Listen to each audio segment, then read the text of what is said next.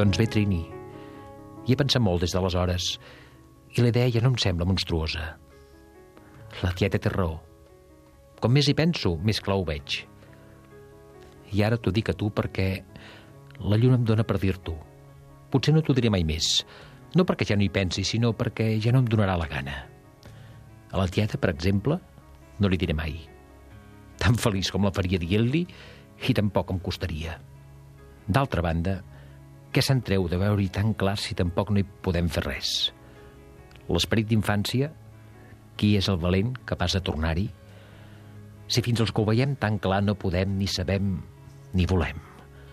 Potser els sants i encara no pas tots. Ara ens omplim la boca jurant que no trairem ni renegarem mai la joventut, que hi serem sempre fidels. I què, Trini? Si a hores d'ara ja hem traït i renegat la infància, després d'això, per què no trairíem i renegaríem la joventut arribat el moment? La gran traïció, Trini, ja està consumada. Catalunya Ràdio presenta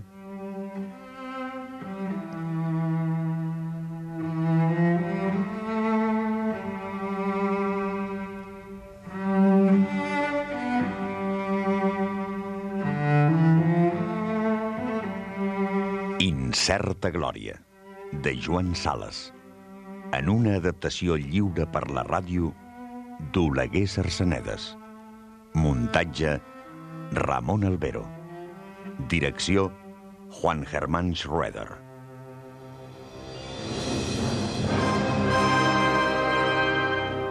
Incerta Glòria, de Joan Sales.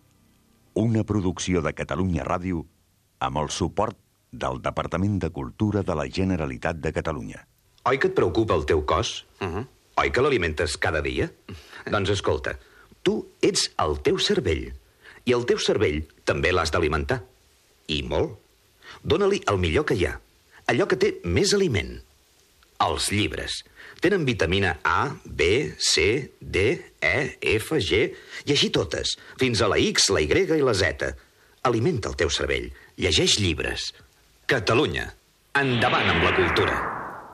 Capítol 33. La revelació.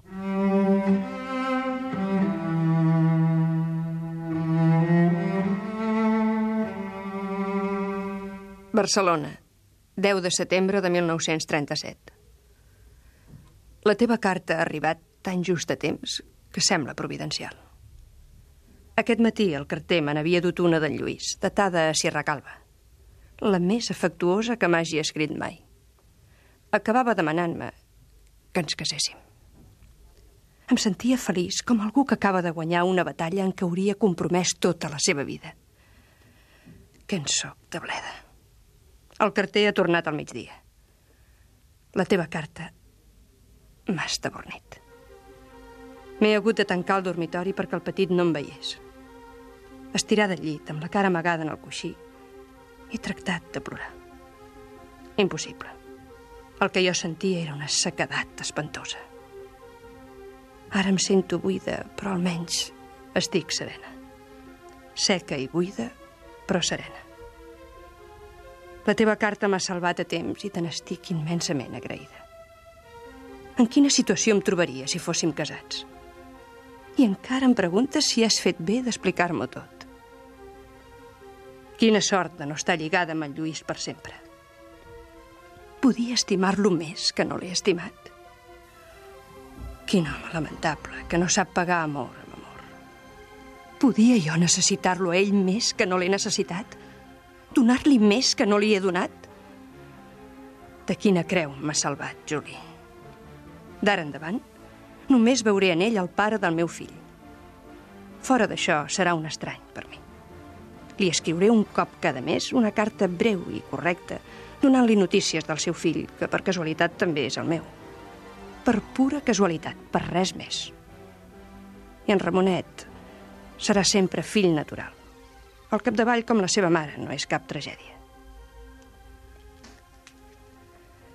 No et sabria pas dir en paraules tot el que el teu afecta més en aquests moments.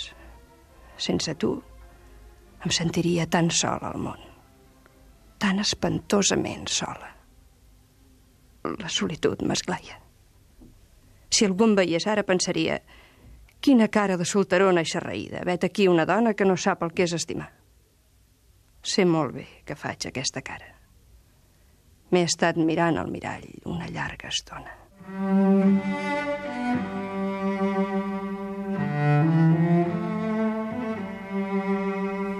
Barcelona, 12 de setembre.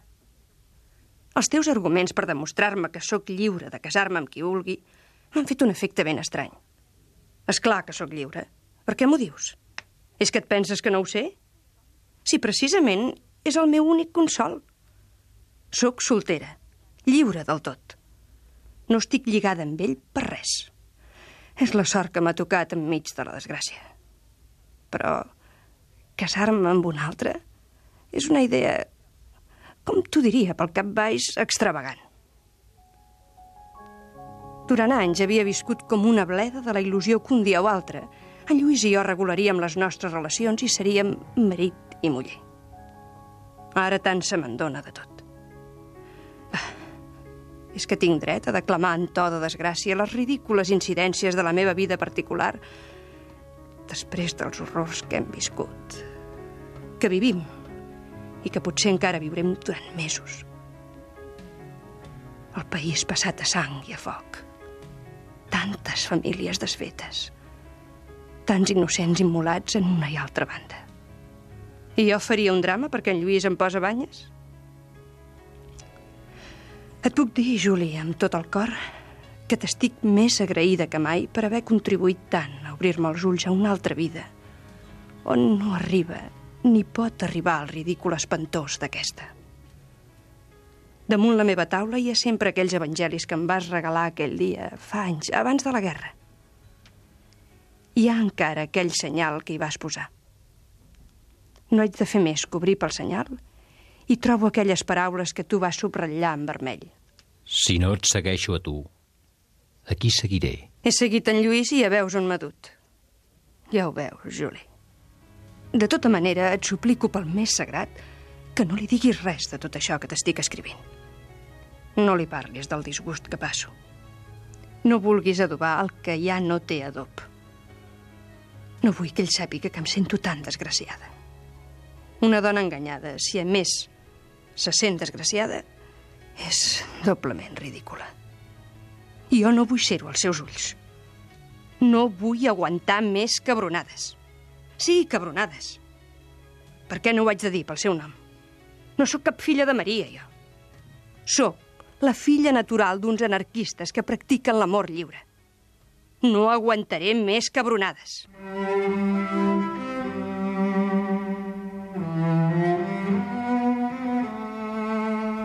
15 de setembre.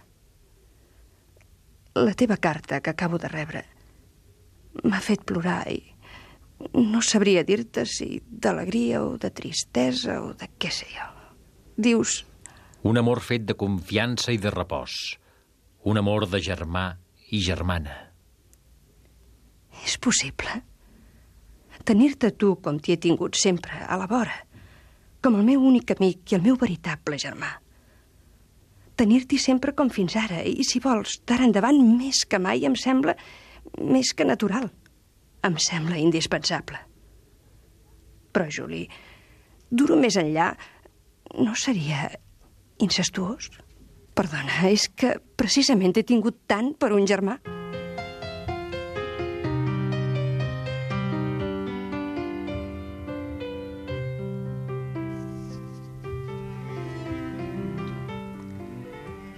Durant aquests quatre o cinc dies hi havia fet projectes.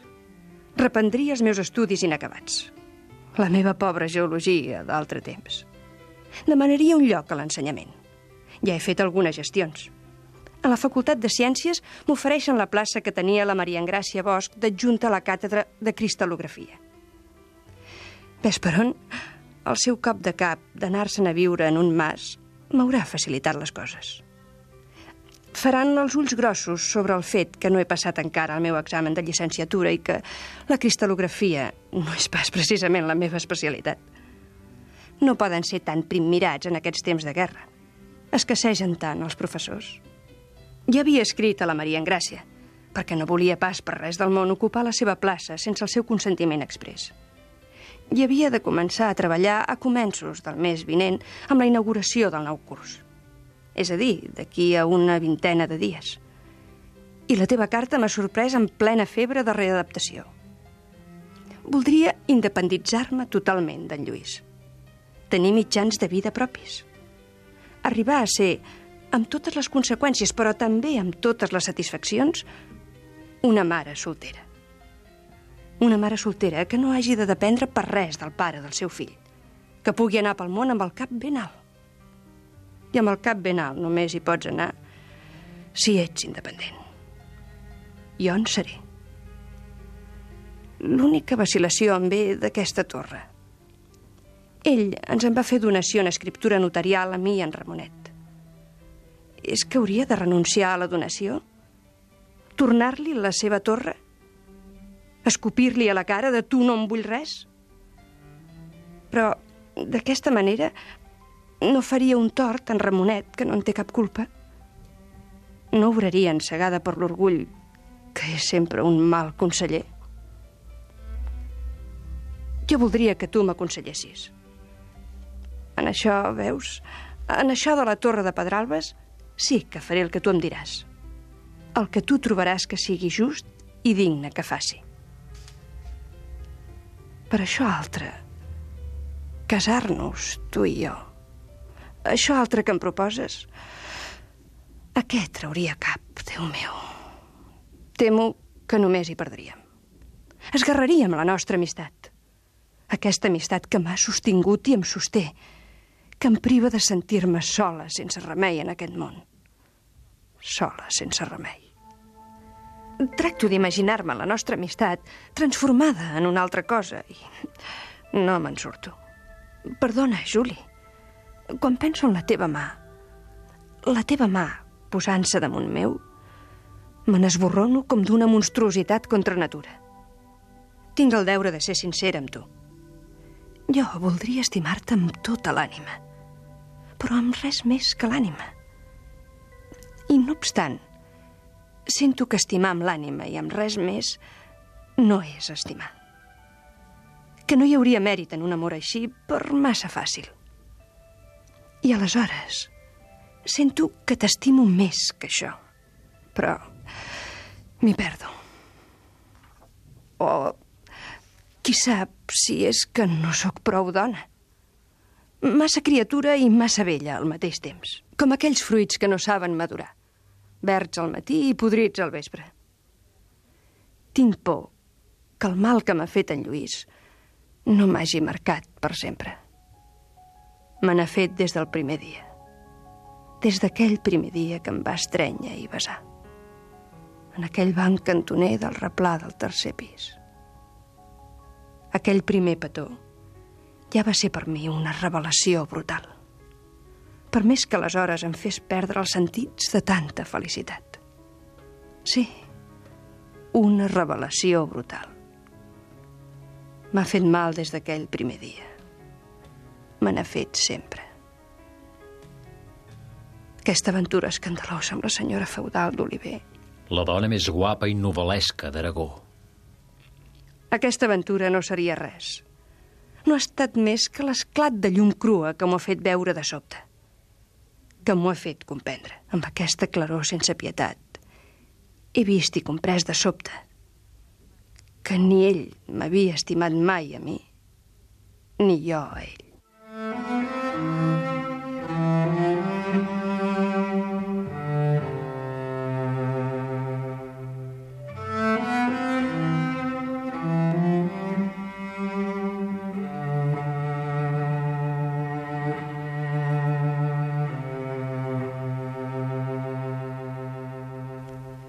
el que sé amb tota certesa i amb tota l'ànima és que tu has estat sempre tan bo amb mi i que ho seràs sempre. Sé que tu no em faràs mal. I em fa horror quedar-me sola en aquesta vida, esgarriada en aquest món, sense ningú que em faci companyia. Et necessito i et tinc tota la confiança. Te la tinc i m'hi abandono. Decideix. Faré el que em diguis. D'altra banda, estimes tant en Ramonet. Estic segura que no seràs mai un padrastre. Ahir vam encetar l'última d'aquelles caixes de pots de llet condensada marca al pagès. Voldràs creure que conservo totes les altres buides com un record? Havia pensat guardar-les tota la vida en memòria d'aquests temps tan difícils. És clar que fan tanta nosa les pobres. Un dia o altre hauran d'anar a parar a la llar. Però voldria, per cremar-les, esperar un dia que tu hi fossis. Cremar-les junts, aquestes pobres caixes que em fan sempre present tota la teva delicadesa.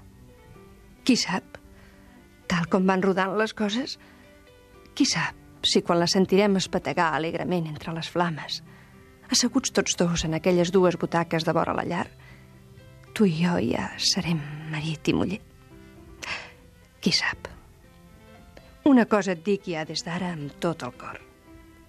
Que estic molt emocionada d'haver descobert, de cop i volta, que ets encara molt més delicat que no m'afigurava.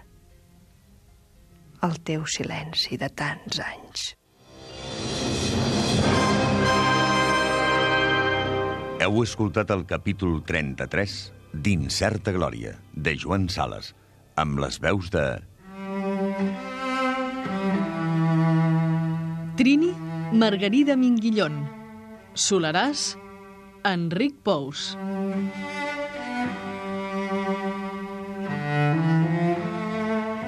Incerta Glòria, de Joan Sales, una producció de Catalunya Ràdio.